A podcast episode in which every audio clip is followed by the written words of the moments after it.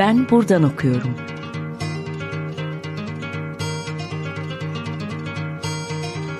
Edebiyat ve başka şeyler.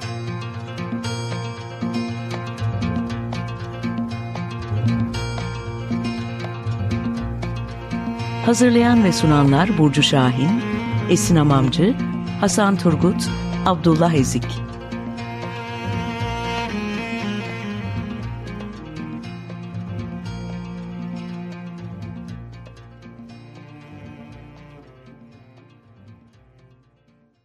Merhaba, 95.0 Açık Radyo'da Ben Buradan Okuyorum programındasınız. Ben Hasan Turgut. Bugün konuğumuz Melike Koçak. Melike Hanım hoş geldiniz. Hoş bulduk, teşekkür ederim. Ee, Melike Hanım'la bugün e, Asuman Susam şiiri üzerine konuşacağız. Odağımızda da şairin Plasenta isimli kitabı olacak. Ancak başlamadan önce ben kısaca Melike Koçak'ı tanıtmak isterim.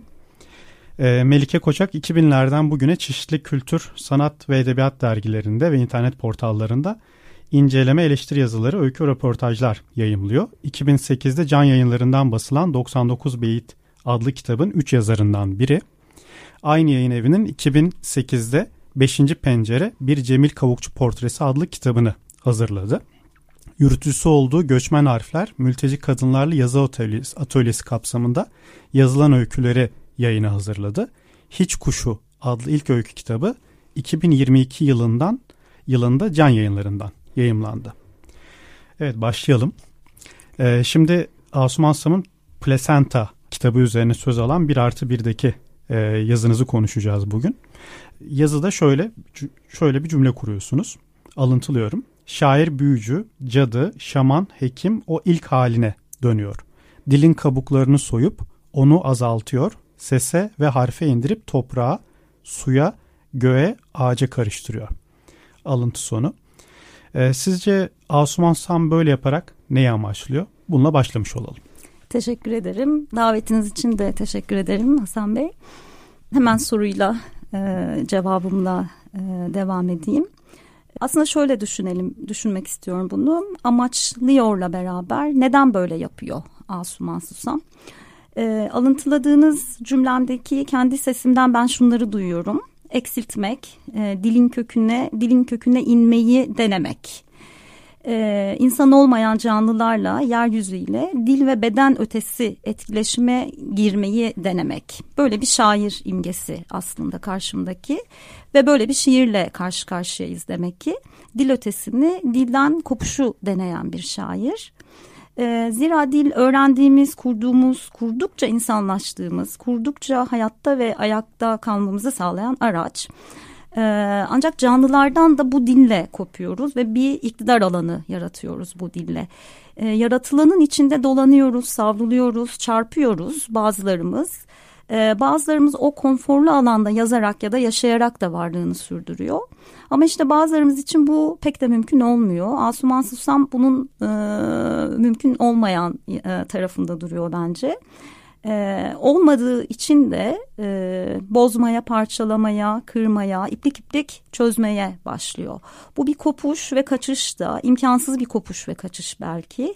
Ama bir kere deyim yerindeyse insanın kemiğine işlemiş, kanına sızmış, tenine nakşedilmişse vazgeçmesi de mümkün olmayan bir kopuş. Peki ne oluyor e, burada?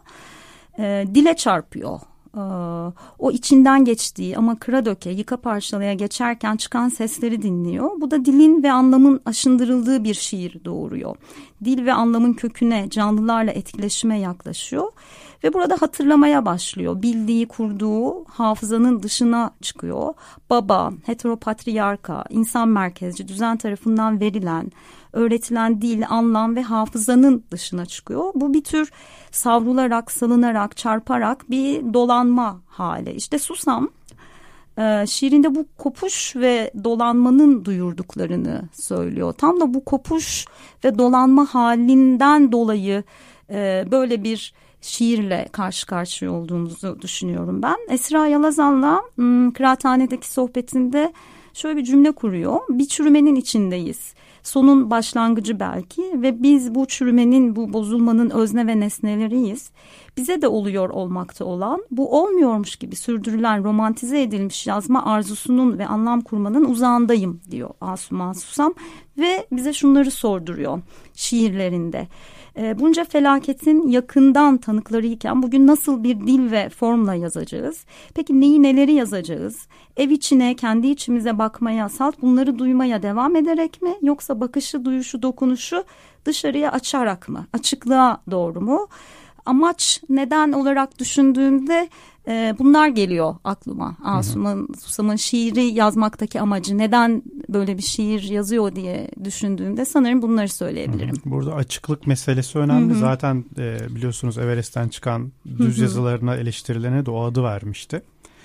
E, bu açıklığa doğru Placenta'da da geçiyordu hı hı. yanlış hatırlamıyorsam bir dizi olarak. E, şimdi demin insan merkezcilik dediniz ve biraz o hattan devam edelim. Çünkü e, şairin Asuman Susam'ın kitabında e, insan merkezcilikle, eril düzenle e, ve uygarlıkla e, bir didişme içinde olduğunu, bir mücadele içinde olduğunu söylüyorsunuz. E, biraz bu mücadelenin ne tür motiflerle verildiğine bakalım isterseniz ve e, şair e, karşı çıktı bu anlatılara, yapılara karşı e, nasıl bir kozmos tasar, tasarlıyor? Kendi durduğu yer neresi? Hı hı. Ee, şöyle düşünmeye çalışayım. İkisini iç içe geçirerek cevaplamaya çalışayım. Ee, Susam'ın şiirinin bir okur olarak bende yarattığı kozmos imgesi, tahayyülü bunu açmayı deneyeyim hı hı. E, aslında.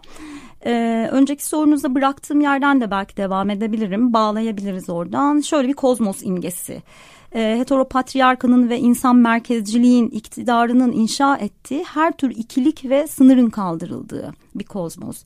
Yatay ilişkilenme biçimlerine açık, erkin babanın çizdiğinin ve dayattığının kaldırıldığı, e, bu, bunun silikleştiği aslında geçirgen akışkan bir kozmos bu. Açılan, genişleyen, insanın dil ve edimleri aracılığıyla tahakküm kurmadığı, ben ve sen ikiliklerinin ortadan kalktığı e, bir kozmos imgesi. Zira diyor ki e, bir şiirinde dağıl, sarsıl, kus, temizlen yine de kurtulamazsın bu yabancı benden.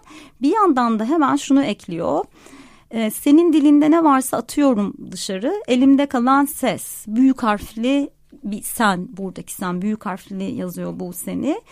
Bunları kapı dışarı benden ve senden aslında bu da imkansız bir kaçış belki. Kapı dışarı ettiğimiz bir kozmos bu. Ee, aynı zamanda bir, bir deneme, deneye açıldığımızda e, bir kozmos. Bu bir yandan e, kişisel e, şiirine baktığımızda e, kesişimsel bir söylem ve eyleme açıldığını da görüyoruz aslında bu kozmosta. Yine şiirinden devam edeceğim burada. Şu dizeler sur dışıydım, hendektim, çevrelendim, yerle gök arasında sıkışan nefestir diyor cesetleriyle. Başka bir alıntı. Bir torbaya sığdırılabilir dünya, kırılgan hafızası kaybedenlerin, kuyulardan ruh inlemeleri sızar, bir toplu mezar üzerinde bilmeden hayata kadeh kaldırmış olabilirim. Belki bunun hissizliğidir kasıklardan kalbe doğru için çekilmesi. Şimdi burada bir e, yeri hatırlayalım istiyorum. Butler'ın, e, Judith Butler'ın Kırılgan Hayatlarda sorduğu bir soru. Mealen yani kimin hayatı için yas tutulup kiminki için tutulamaz. E, yasa tutulabilir ve tutulamaz hayatlar ayrımının bir yaz hiyerarşisinin kimler, neler, ne zaman, nasıl yapıldığı üzerine düşünüyor Butler. E, görüyoruz ki Asuman Susam da ayrım yapmaksızın kayıplara, acılara yasa açıyor şiirini. Hatta Butler'ın getirip bıraktığı bir eşiğin ötesine geçtiğini düşünüyorum ben. Çünkü Butler şöyle bir cümle de kuruyor. Kimlerin hayatının hayat, kimlerin ölümlerinin ölüm sayılacağının e, kamusal alanı kuranların karar verdiğine vurgu yaparak Şöyle diyor birisi kaybedilmişse ve kaybedilen kişi biri değilse öyleyse kayıp nedir, nerededir ve yas nasıl gerçekleşir? Fakat Butler da bunu insanı merkeze alarak soruyor. Ee, tüm canlıların bedenlerinin yası bir ihtimal olarak belirliyor. Orada bir sınır çizgisi var. Ee, bir o orası bulanıklaşmıyor. O çizgi bulanıklaşmıyor. Bir geçirgenlik sanki geçiştiriliyor şüphesi uyandırıyor. Bu tabii yaratıcı bir şüphe, e, bir eşikte insan dışı canlılara açılabileceğimiz bir eşik. İşte Asuman Susam'ın şiiri şiirinden hareketle imlediği o kozmos, bendeki imge ya da bu kayba yasa da açık açılıyor. Bu açıdan Butler'ın bıraktığı yerin ötesine geçtiğini söyleyebiliriz. Tabii ki e, burada aslında rahatsız bir kozmos imgesi çiziyorum. E, buranın şairi, yazarı da konforlu bir yerden yazamaz. E, bugün artık yazılamaz da herhalde. Büyük Kaos, Amitav Ghosh'un e, kitabında bir vurgusu vardı. Onu hatırlayalım istiyorum. Edebiyatın olasılık dışı anlar ve sahnelere, ölçüsüzlüğe, rastlantılara, şaşırmalara, felaketlere açık olmasının gerekliliği. İşte Asuman Susam'ın şiirinde e, ki kozmos imgesi ya da tahayyülü e, bu gerekliliğe açık. Bu gereklilikten hareket ediyor sanki yazarken. Böylesi bir açıklık var e, bir beden olarak yeryüzünün teninin, kemiğinin ağrısına açık plazanta bütün olarak. Okurunu da bu açıklığa davet ediyor.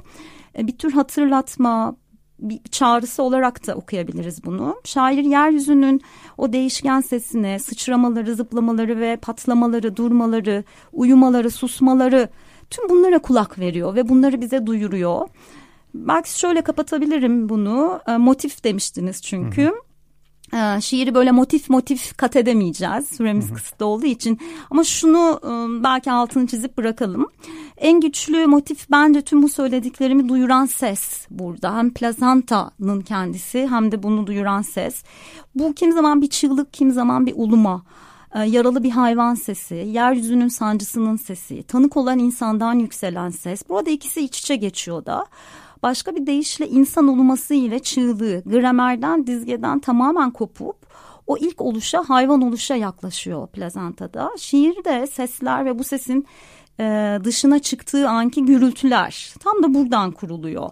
O uluma e, baka kalma hali e, içe doğru kırıla döküle bir kıvranma hali ise e, bu bütün bir dille değil de parçalarla duyuruyor. Yani biraz da parçalı bir kozmos hı hı. E, deyip burada bırakayım. Hı hı. Ya aslında tanıklık ediyor. Evet. O tanıklığın dilini anlatıyor bir yerde. Evet.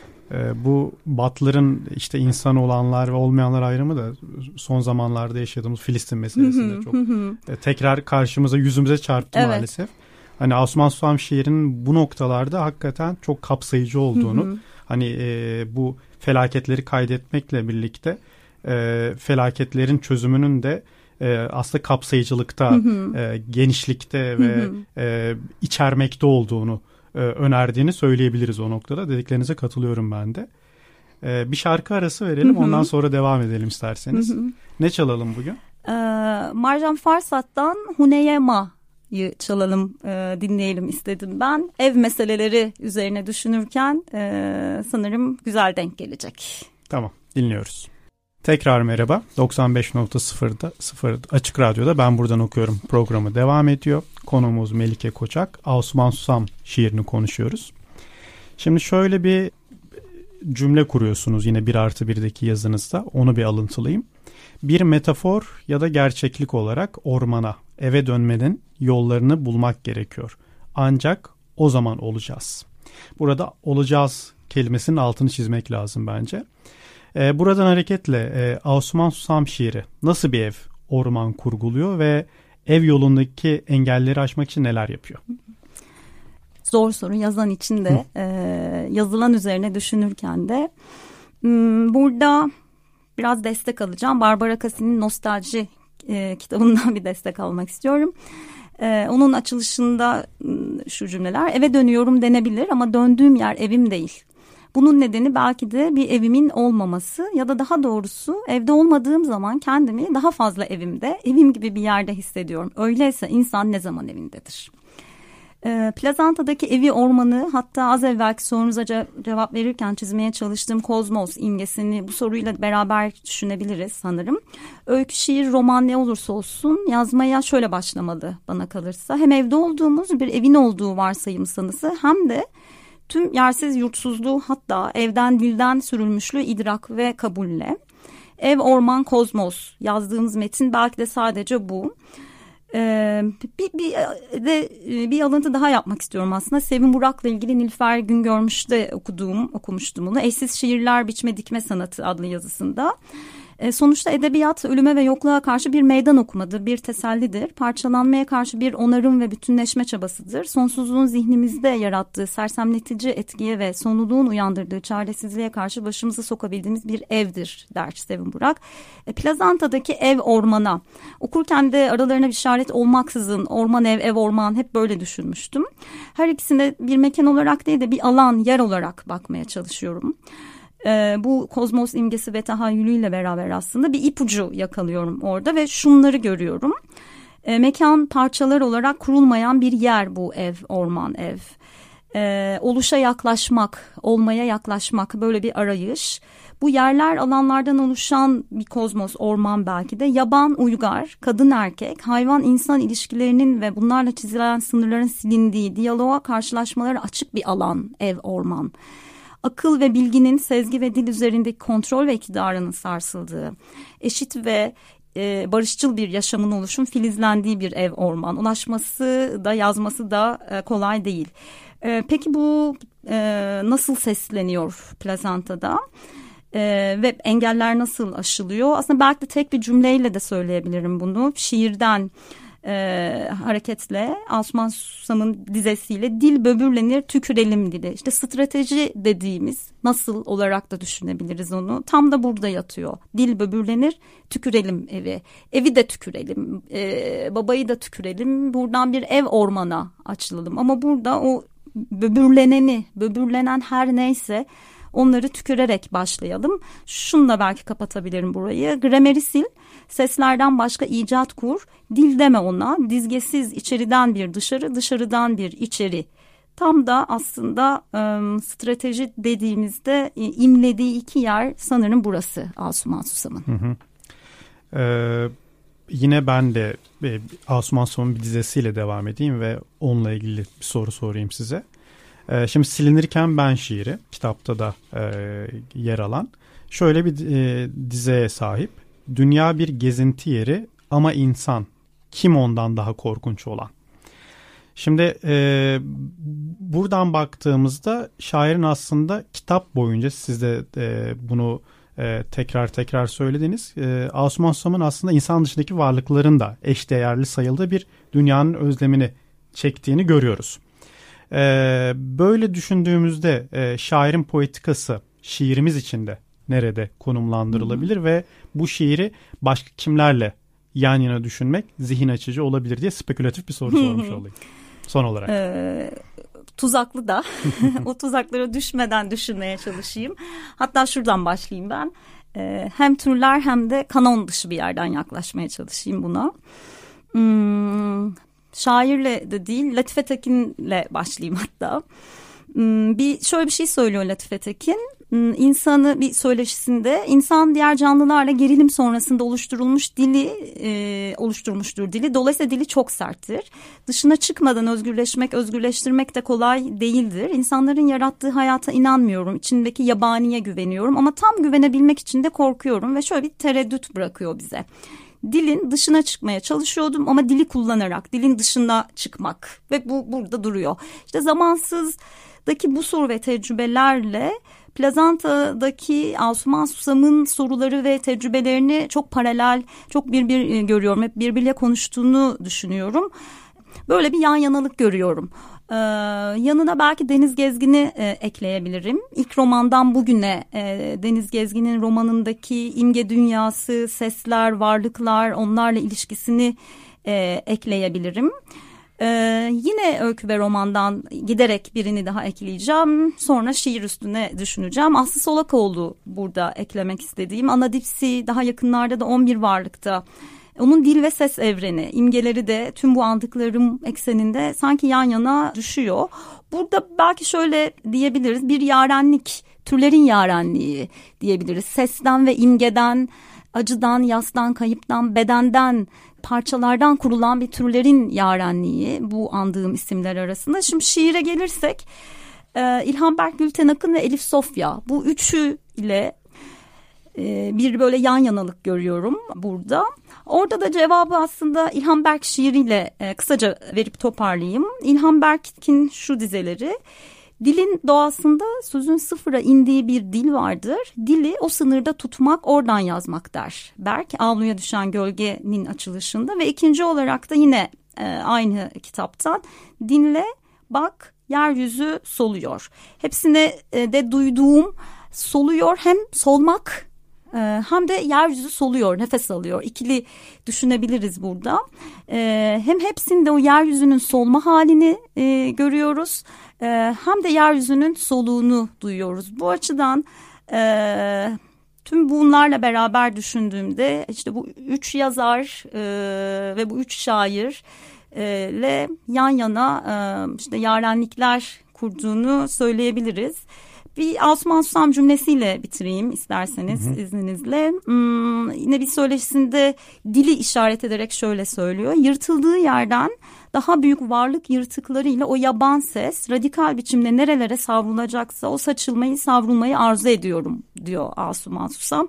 Ben de okuru olarak bu plazantazan sonra aslında onun nerelere savrulacağını, saçılacağını ve açılacağını e, merak ederek yeni şiirlerini, yeni kitabını bekliyorum diyebilirim. Evet, çok teşekkürler. Ben Melike teşekkür Hanım, ederim. Çok için. sağ olun. Ee, evet sevgili Açık Radyo dinleyicileri, e, bugün ben buradan okuyorum da Asuman Susam şiirini konuştuk. Odağımızda şairin e, Placenta, Placenta kitabı vardı. Diğer bölümlerde görüşmek üzere.